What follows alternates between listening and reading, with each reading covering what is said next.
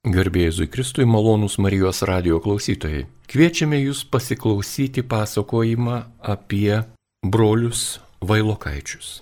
Su jais jūs maloniai supažindins ir apie jų misiją, kuriant Lietuvą, papasakos Lietuvos nacionalinio muziejaus signatarų namų vyresnioji muziejininkė dr. Vilma Bukaitė. Aš sveikinuosi su gerbiama Vilma, garbė Jėzui Kristui. Labadiena, garbė Jėzui Kristui. Šiandien norėčiau pasidalinti pasakojimu apie Lietuvos nepriklausomybės akto signatarą Joną Vailokaitį ir jo brolį Juozą Vailokaitį. Abu šie žmonės buvo Lietuvos parlamentarai, žinomi verslininkai, Lietuvos ūkio raidai svarbios asmenybės. Taigi broliai Jonas ir Juozas Vailokaičiai e, buvo zanavykai, kilę iš Sandautų valščiaus, tuometinės šakių apskrities, pikčinių kaimo. Jie kilo iš tokios labai sumanios, darbščios šeimos ir greičiausiai joje pirmiausiai įgyjo tokios disciplinuotos, kūrybingos veiklos ir kartu verslumo pamatus.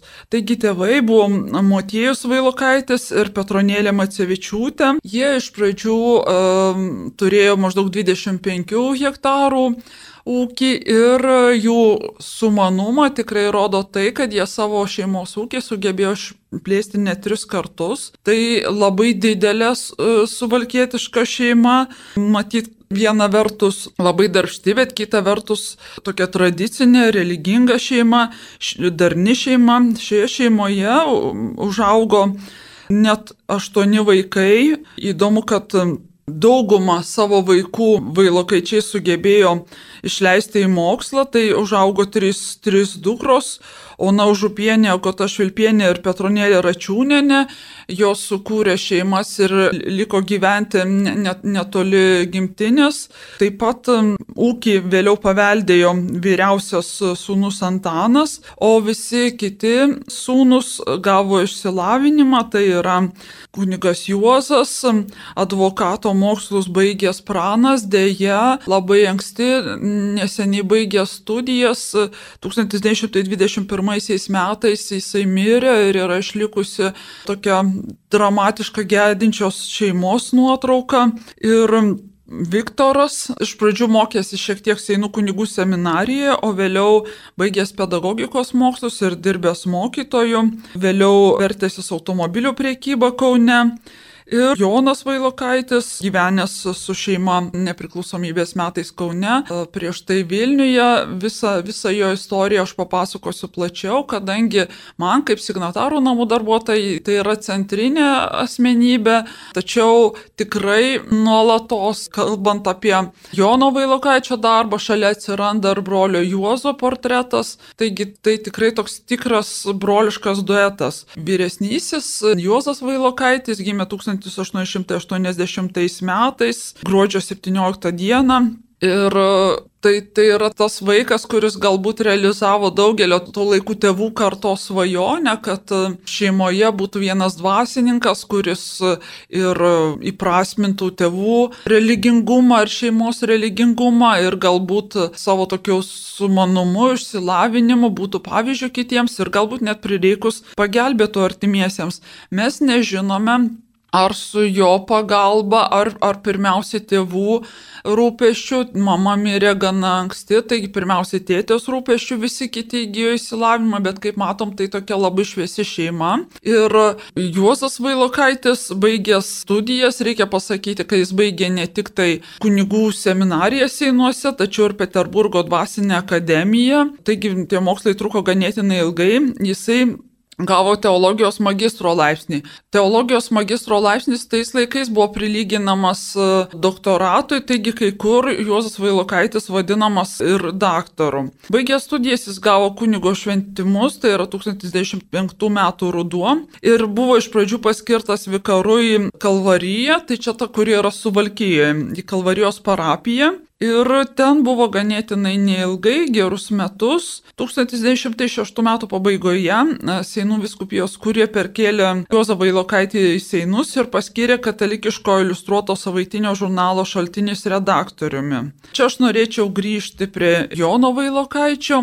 Abiejų gyvenime ir Juozo, ir, ir, ir Jono, ir greičiausiai kitų išsilavinimų gavusių brolių gyvenime svarbi buvo Marijampolės gimnazija, tačiau mes gerai nežinome nežinome, ar Jonas Vailokaitis šiek tiek mokėsi Marijampolės gimnazijoje, kaip tai darė jo vyresnysis brolis, ar jisai savarankiškai pasiruošė baigiamiesiems egzaminams ir juos išlaikęs jau stojo tęsti mokslų. Tikslių duomenų nėra ir ko gero manoma, kad um, Vis tik tai jisai greičiausiai sugebėjo išlaikyti gimnazijos baigimo egzaminus ir tada įstojo Peterburgo priekybos ir pramonės institutą. Ekonomisto specialybė tais laikais buvo dar labai nauja, šitos studijos, galima sakyti, prasidėjo tik 20-ojo amžiaus pradžioje, taigi tai buvo labai dar nauja specialybė ir galbūt vat, iš tikrųjų savo naujumus domino, galbūt Jonas Vailokaitis anksti pajuto tą pašaukimą, kuris įlydėjo visą gyvenimą gyvenimą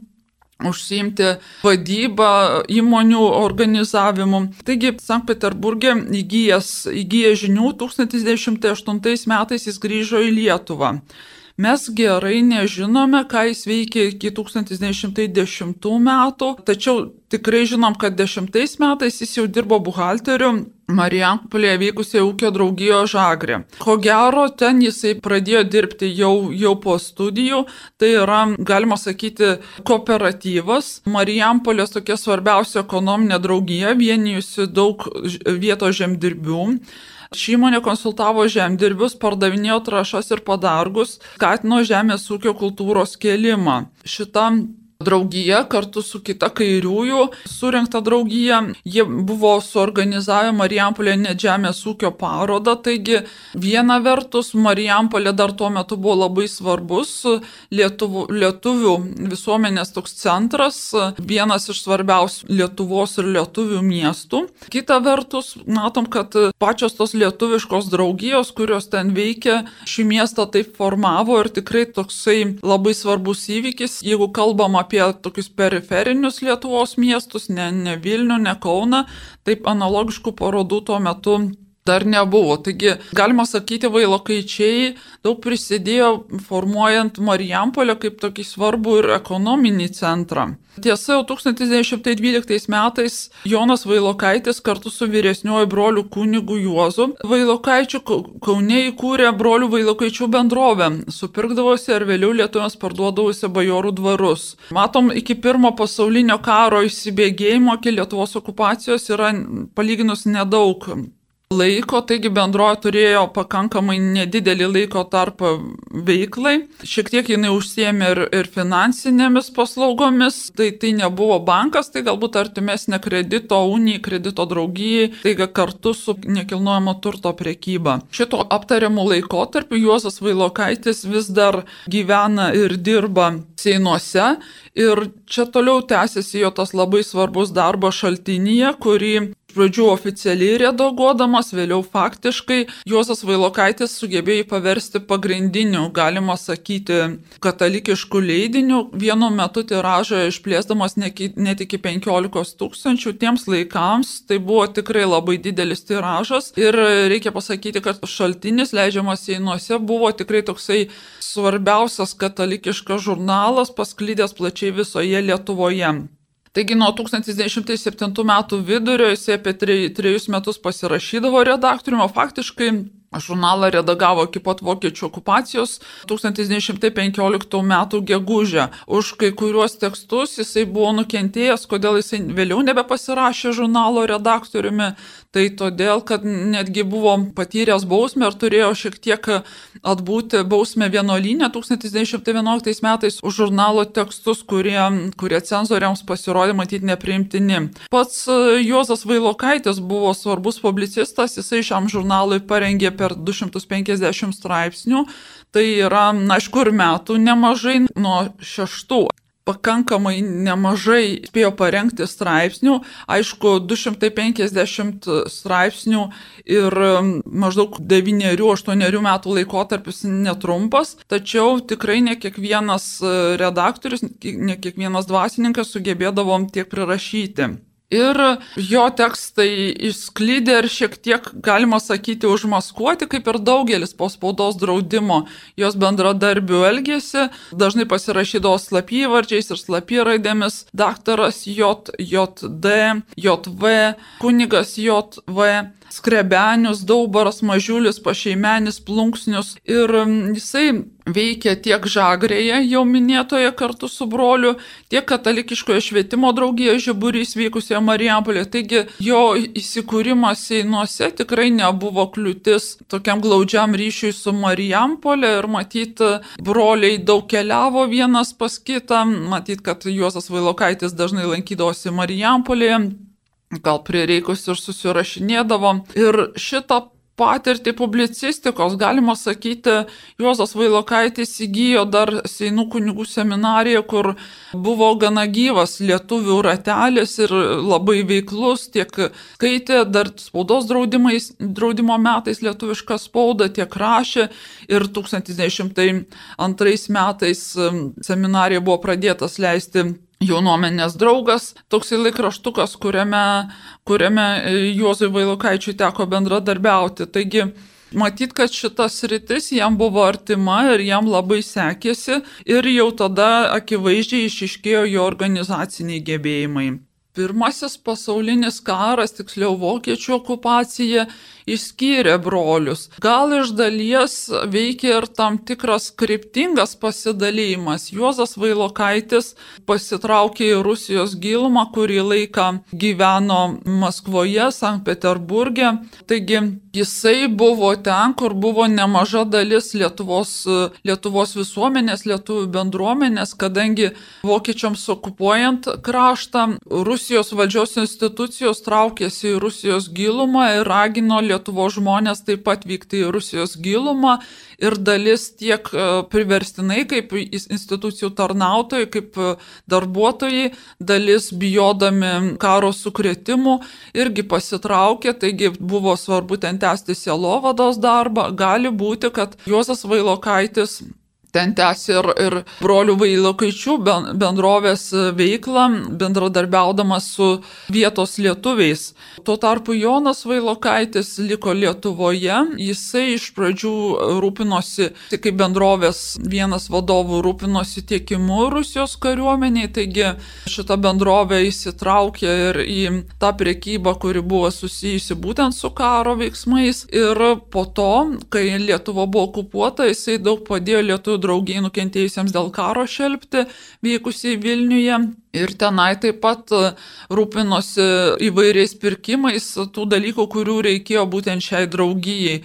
Ir galima sakyti, tą tokią prekybinę veiklą tęsė netgi karo laikotarpiu. Yra tokių galimybių, kad galbūt karo metais neutraliuose valstybėse, ten tarkim Švedijoje, kokioje, gali būti, kad broliai net buvo susitikę, tačiau jokių tokių aiškių liūdėjimų nėra.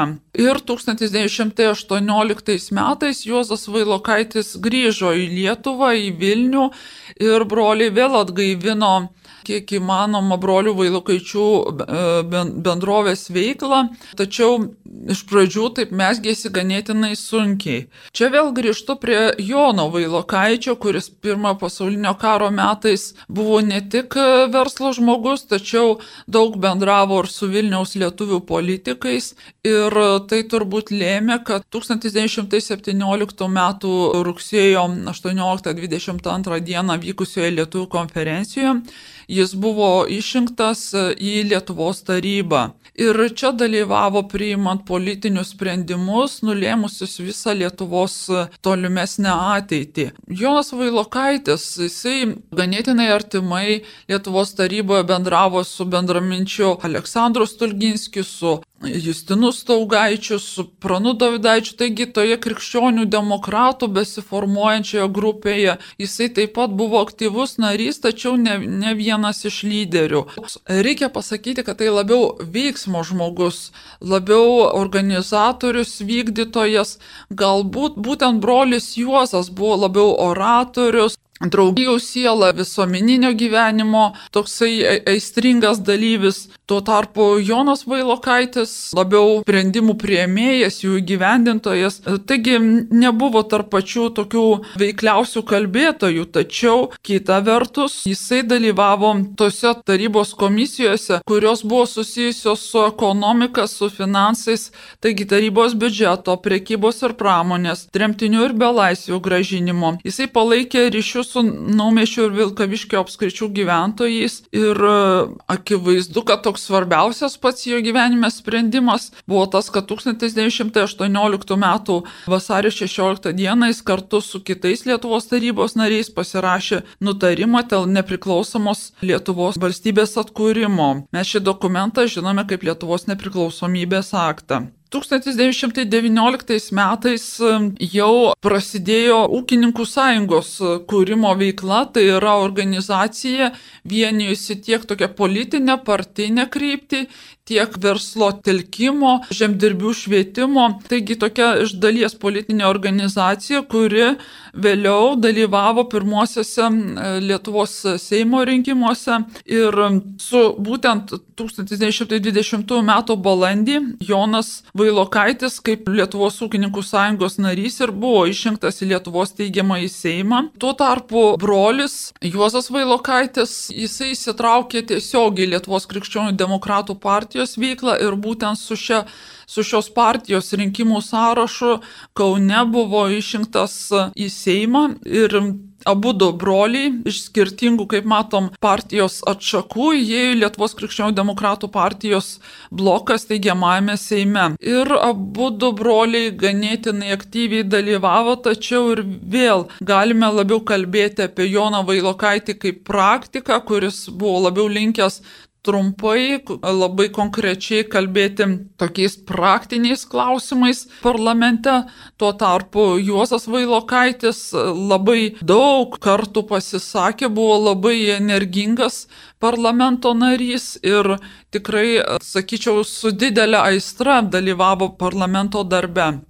Yra užfiksuota, kad Juozas Vailokaitis parlamente pasakė net 128 kalbas. Tiesa, kadangi vardo e, raidė sutampa, tai kartais, kai paminėta tik tai vardo raidė, galima suklysti, tai gali būti, kad dalis, dalis uh, jaunesnėjo brolio šlovės atiteko vyresnėjam broliui. Jonas Vailokaitis dirbo steigiamajame Seime iki 1922 m. kovo pradžios, kovo 3 dienos, taigi faktiškai maždaug gerų pusmečių anksčiau iš, iš jo išėjo, negu buvo steigiamasis Seimas užbaigė darbą. Ir jisai parlamente priklausė vadovavo tiksliau. Jisai parlamente vadovavo finansų ir biudžeto komisijai. Akivaizdu, kad jie būdu labai energingai dalyvavo, sprendžiant įvairius finansinius klausimus. Daug pasisakė finansų, mokesčių, kredito, bankininkystės, algų apibrėžimo įvairiems valdininkams klausimais, taip pat e, mokesčių, lošimo monopolizacijos ir kitais susijusiais būtent su finansų klausimais. Nagrinėjant e, įstatymų sumanimus jisai pateikė pastabų ekonominiais ir teisiniais, e, pavyzdžiui, žemės ir būsto pardavimo, nuomos reformų, finansavimo klausimais, į kurių daugumą steigimo Seimo nariai atsižvelgė. Taip pat šiek tiek kalbėjo ir dėl posėdžių vedimo tvarkos, turėjo pataisų e, steigiamojo Seimo statutui. Matom, kad yra toksai tam tikras konkretus labai laukas, kuris, kuris jam buvo svarbus. Abu du broliai ganėtinai daug kalbėjo svarstant žemės reformos įstatymo subanimą ir labai skatino vieną vertus, kad būtų atlyginama už paimtą iš dvarininkų žemę ir kita vertus, kad būtų sudaromos kuo palankesnės sąlygos naujakuriams, pavyzdžiui, tam tikros įsikūrimo paskolos būtų teikiamos, tam tikra apsauga nuo per didelės finansinės naštos žmonėms, kurie keliasi jiems naujai paskirtą žemę. Taigi, galima sakyti, jie siekia kiek galima humanizuoti ir, ir palengvinti tą žemės reformos naštą, kuri vėliau teikdama galbūt didelę naudą Lietuvos valstybei buvo kartu ir nemenkas sukretimas. Jonas Vailokaitis iš steigiamojo Seimo pasitraukė, kaip sakiau, kovą ir jį pakeitė Vinsas Grajauskas, jau vėliau dirbęs iki pat steigimojo Seimo pabaigos. Čia norėčiau perėti prie Juozo Vailokaičio, kuris energingai veikdamas teigiamame Seime dirbo ekonominėje komisijoje, laikinosios valstybės konstitucijos projekto komisijoje, žemės reformos komisijoje, biudžeto ir finansų komisijoje. Taip pat 1920 m. gegužės Liepos mėnesiais dalyvavo Maskvoje vykusiuose dėrybose su Rusija. Reikia pasakyti, kad tai buvo žmogus, kuris ganėtinai racionaliai vertino, vertino Rusijos santvarką, kas dėje ne su visais Lietuvos politikais nutiko, nes jis pats turėjo net keleto mėnesių tokią dramatišką patirtį.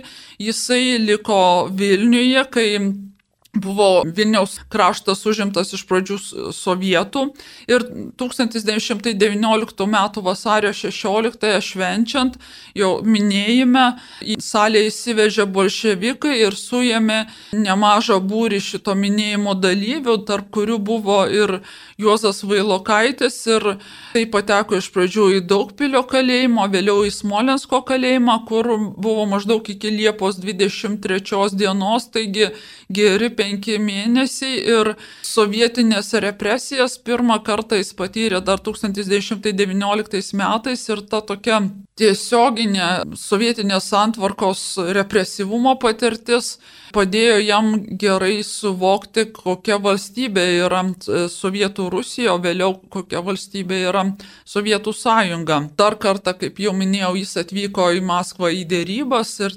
ten gali būti, kad pirmiausiai rūpinosi finansiniais klausimais kaip šitos ryties specialistas, dalyvavo pasirašant tas, tas sutartis, kurios buvo pasirašytos Maskvoje dėl tremtinių gražinimo, tai yra dėl karo pabėgėlių ir taikos sutartį. Šitas visas parlamentinis laikotarpis labai sutapo su Vailokaičių šeimos tokio verslo stiprėjimo laikotarpiu.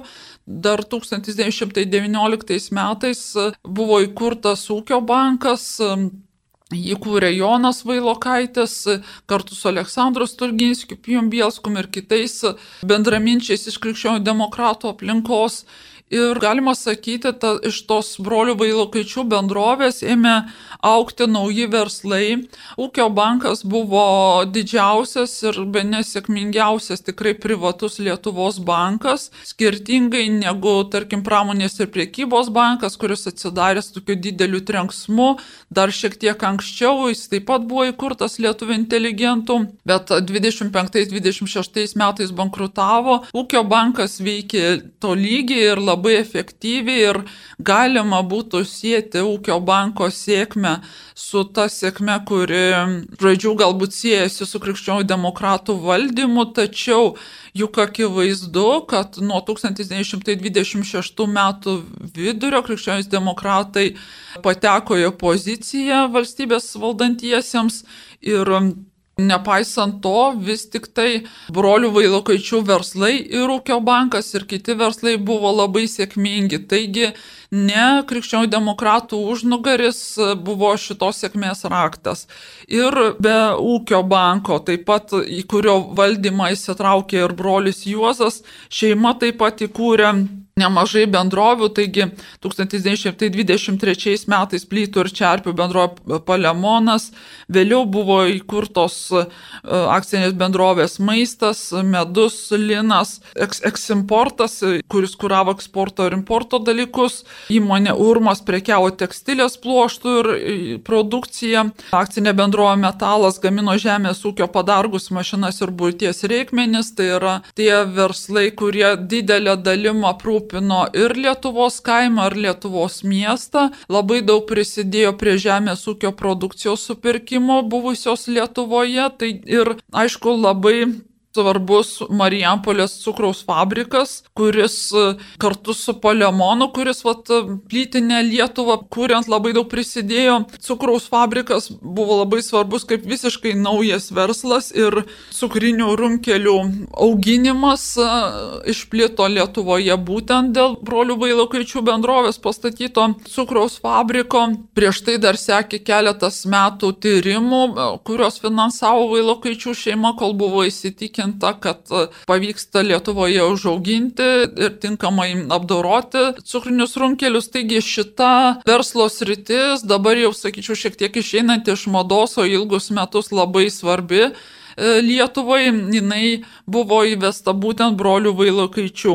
Ir šitoks jų verslų sėkmingumas ir tikrai tokia raida, net nepaisant didžiųjų pasaulinių sukretimų, tam tikras nuoseklus darbas, lėmė, kad broliai Vailokaičiai tapo turtingiausiai žmonėmis Lietuvoje ir užtikrino savo šeimos, savo giminės gerovę, bet ne tik. Ypatingai pabrėžtina, kad broliai Vailokaičiai labai stipriai remia ateitininkų organizacijas, tiek universitete ateitininkų korporacijas, tiek ateitininkų visuomeninę veiklą, tiek ateitininkų studentus. Apskritai priskaičiuojama ne mažiau 200 stipendijų, kurios buvo suteiktos studentams, taigi yra nemažas būrys iš pradžių, iki ko buvo įkurtas Lietuvos universitetas nuo 19 iki 22 stipendijos vakaruose studijuojantiems lietuviams, o nuo 22 prioritetas buvo teikiamas būtent Lietuvos universiteto studentams. Šeima netgi padovanojo sklypą Lietuvos universiteto chemijos fakultetui, taip pat stipriai rėmė aviacijos klubą ir netgi, tarkim, Dariaus ir Gereno laidotuvėse mes matome nuotraukose Joną Vailokaitį nešantį karstą ir būdinti prie karsto, taigi tai buvo toksai labai ištikimas, labai artimas aviacijos klubo remėjas. Taip pat Vailokaičių šeima skiria net 25 tūkstančius litų Klaipėdos krašto prijungimui, rėmė tą vadinamąjį Klaipėdos sukilimą, kurio dėka galų gale ir dabar Klaipėdos kraštas yra Lietuvos dalis. Čia norėčiau dar truputį grįžti prie Juozo Vailokaičio, kurio parlamentinė veikla tęsiasi netgi iki pat 26 metų vidurio. Jisai buvo tiek steigiamojo Seimo narys iki pat kadencijos pabaigos, tiek vėlesnių pirmojo ir antrojo Seimų narys. Keletas tokių fragmentų jo veiklos. 1921 metais vasarį yra tokia ilgesnė Juozo Vailokaičio kalba, kai jisai analizavo vakarų valstybių dėlsimo pripažinti Lietuvos nepriklausomybę priežastis ir galimas pasiekmes. Anot jo Lietuvai labai svarbu, kad jinai suvokiama nors kaip nors ir menka, bet e, vis dėlto užtvara nuo sovietinės Rusijos ir galbūt tai padėtų Lietuvai įtvirtinti valstybingumą. Jis pabrėžė, kad galingosios Europos valstybės, varstydamos Lietuvos pripažinimo galimybę, nepradėtų kelti pavojus jos valstybingumui dėl stiprėjančių ryšių su Rusija, su Lenkija Lenkijos suinteresuotumo naudotis Klaipėdos uostu ir likti Vilniaus krašte. Taip pat jisai analizavo dvišalių Lietuvos ir Lenkijos santykių problemas, kai žmogus kilęs iš Seinų, jis ko gero labai jautriai priėmė tą Lietuvos ir Lenkijos susipriešinimą. Svarstant žemės reformos įstatymo sumanimą dar tais pačiais metais, Juozas Vailokaitis apibūdino šio įstatymo rengimo priežastis, reikšmę ir siūlė rimtai apgalvoti, kokį žemės plotą reikėtų leisti įsigyti būsimam ūkininkui. Ir kaip ir brolis, jisai ragino už paimtą žemę deramai atlyginti. Jisai skatino plėtoti valstybės pramonę, matom, tai yra tas išvalgumas, prie kurio, prie tų sumanimų vėliau jie patys patys labai stipriai prisidėjo. Taigi ragino plėtoti valstybės pramonę, kad miestai sugertų kaime užaugančio jaunimo perteklių ir taip miestai klėstėdami padėtų taip pat ir kaimui gyventi, vyktų tam tikra apytaka tarp Lietuvos skirtingų vietovių. Ir ragino taip pat skirti paskolą žemės reformai vykdyti, siūlė, kokios galėtų būti jų gražinimo sąlygos. Jonas Vailokaitis labai pabrėžė Lietuvos kaimo svarbą, ko gero jo paties kilmė, jo vaikystės patirtis skatino didelę pagarbą kaimo žmonėms. Taigi, cituoju, mūsų valstybė laikėsi iki šiol ne ant ko kito kaip ant žemės ūkio. Valstybinio aparato silpnumas ir kitos priežastys, kurios mūsų jaunos valstybės organizmui neleidžia tinkamai veikti, neduoda galimybės tą mokesnį išdėstyti proporcingai kiekvieno valstybės esančio asmens turto. Ūkininkai reng remdami ir siekdami nepriklausomos valstybės idealą, tą naštą reikia pripažinti, neša labai kantriai. Tai yra 1922 m. gegužė, tikrai dar toks labai sunkus laikas, kai tik tai prieš pusantrų metų pasibaigusios nepriklausomybės kovos, dar į valstybės biudžetą surinkti lėšas labai sunku ir matom pasakojama, kad pagrindiniam mokesčių našta tenka žemdirbiams. Svarstant Lietuvos valstybės konstitucijos projektą 22 metų pavasarį, Vailokaitis krikščionių demokratų bloko vardu palaikė socialdemokratų frakcijos nario Kazimiero Venslauskio pasiūlymą pirmo paragrafo antrą sakinį Lietuvos Respublikos valdžia priklauso visiems krašto piliečiams pakeisti į, cituoju, suvereninė Lietuvos Respublikos valdžia priklauso visiems krašto piliečiams. Ši pataisa buvo priimta, išliko ir galutinė konstitucijos teksto redakcijoje ir matom, kad šiuo atveju išvelgdami kažkokią gerą, gerą idėją, krikščionys demokratai, pirmiausia, Juozo Vailokaičio asmenyje buvo linkę palaikyti ir savo oponentų racionalius pasiūlymus. Maždaug apie 1926 metų vidurį po antro Seimo darbo pabaigos Jozas Vailokaitis atitolo nuo politinio e, darbo, nuo politinės veiklos ir atsidėjo būtent ekonomikai, tam bendram darbui su bro, broliu Jonu Vailokaičiu, apie kurį pasakoju anksčiau. Ir kurį laiką tiek brolis Jonas, tiek Juozas yra vadovavę valdybai, visą laiką priklausė tarybai ūkio banko. Ir visos tos jau minėtos bendrovės, galima sakyti, buvo bendri verslai ir to laikotarpio liudininkai, amžininkai sako, kad Juozas Vailokaitis buvo šitų verslų širdis ir protas, o sunku pasakyti, ką norėtų tiksliai įvardinti.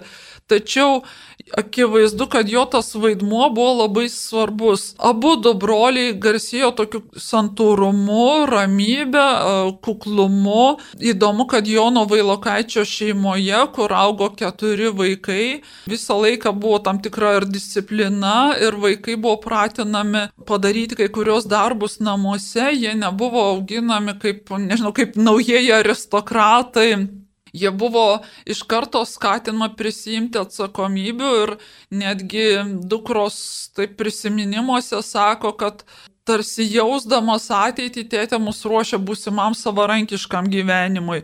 Vailokaičių tėvų šeimoje, tarp jų brolių ir seserų, toje didelėje šeimoje, kur e, šitiek daug buvo susituokusių žmonių penkios šeimos sukurtos šešios, šešios šeimos sukurtos. Užaugo net 33 vaikai, taigi tiek senelių užauginta šeima buvo didelė, tiek vaikų didelės šeimos. Ir tarp Jono Vailokaičio šeimoje taip pat užaugo trys dukros ir, ir vienas sunus. Ir ta šeima tokia tikrai buvo, sakyčiau, pavyzdinė šeima.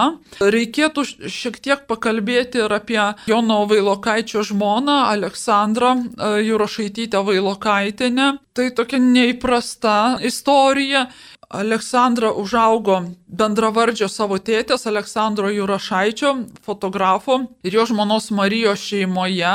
Šeima 20-ojo amžiaus pradžioje iš Bielsko, iš dabartinės Baltarusijos atsikėlė į Vilnių ir čia labai greitai susibendravo su Vilniaus lietuvių inteligentais, su vis beaugančiu lietuvių inteligentų ratu ir fotografavo daugelį Vilniaus lietuvių susibūrimų, daugelį žymių asmenybių portretų. 1900 1915 m. rudenį Aleksandras Vailokaitis mirė, tačiau galima sakyti, jis buvo paruošęs šeimą ar savarankiškam gyvenimui. Jo našlė ir jo dukros mokėjo fotografuoti ir šeimos verslą tęsė toliau.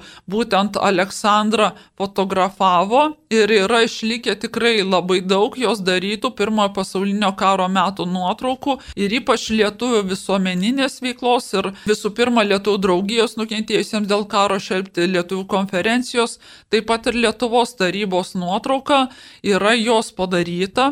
Daugelį šitų vaizdų jūs galite pamatyti lankydamėsi signatarų namuose, kur tikrai netgi vienoje patalpoje e, Lietuvų draugijos nukentėjusiems dėl karo šelbti raštinės vadinamąją kabinete, tenai yra daugelis jos nuotraukų, kur užfiksuoti Vilniaus lietuviai. Jau prieš pirmo pasaulinį karą, atrodo, Aleksandra Rašaitytė draugavo su Jonu Vailokaičiu Ir kai mes matom Lietuvos tarybos nuotrauką, taigi joje yra ir ir jos sužadėtinis, būsimasis vyras, netgi kartais juokaujame, kad e, be fotografuojant žvilgsniai susitiko, tačiau iš karto, karto panėjom, kad tai yra tokia graži legenda. Atrodo, kad tikrai ta bendrystė jau prasidėjo prieš pirmą pasaulinį karą, 1919 m. pradžioje. Jonas Vailokaitis vedė išrinktąją ir ši, kaip jau sakiau, šitoje šeimoje užaugo net keturi vaikai jauniausias sunus Jonas ir, ir dukros Birutė, Ramutė ir Danutė. Ir tas laikotarpis nepriklausomybės metais jis tikrai buvo labai gražus. Vailokaičių šeima pasistatė didžiulį namą Kauno centre. Namuose dažnai svečiuodavosi dėdė Juozas, kiti artimieji, dėdė Viktoras gyvenęs taip pat Kaune atvykdavo giminės iš Suvalkyjos, atvykdavo ir Kaune, ir ne tik Kaune gyvenę Aleksandros Jurašaitytės giminės. Tikrai šeima visuomeniniam gyvenime buvo labai matoma, tuo tarpu Lietuvos okupacija tą visą laiką nutraukė ir dėja okupacija išskyrė brolius Juozas Vailokaitis buvo represuotas 1941 birželio 14 dieną jisai buvo ištremtas, jisai nutarė pasilikti Lietuvoje, patyrė represijas, tiesa 1944 metais grįžo į Lietuvą. Ir čia gyveno iki pat mirties paštuvoje, palaidotas paštuvos parapijoje mirė 1953 metais. Tuo tarpu brolis Jonas vos Lietuvą okupavus, šeima išvyko anksčiau, Jonas Vailokaitis prie šeimos prisijungė truputį vėliau. Jie gyveno e, Vokietijoje, Blankenburgė, ten daug bendravo su vietos lietuviais. Deja, Jonas Vailokaitis ganėtinai anksti, 1944 m. gruodžio 16 d mirė ir iš pradžių buvo palaidotas Blankenburgė, o 2007 metais broliai susitiko tokioje paskutinėje polsio vietoje, į Paštuvą taip pat buvo perkelti ir Jono Vailokaičio palaikai. Aleksandra Vailokaitinė su dukromis įsikūrė Junktinėse Amerikos valstijose, sunaus Jono šeima gyveno Kanadoje. Taigi tai šeima, kuri ir labai gerai iliustruoja tas galimybės, kurias turėjo Lietuvos visuomenė, kūrybingi žmonės, sumanų žmonės ir tos išbandymus, kuriuos patyrė tie žmonės netekus Lietuvos nepriklausomybės. Šioje laidoje su jumis gerbiami radio klausytojai bendravo Lietuvos nacionalinio muziejaus signatarų namų vyresnioji muziejininkė daktarė Vilma Bukaitė. Likite ir toliau su Marijos radiju.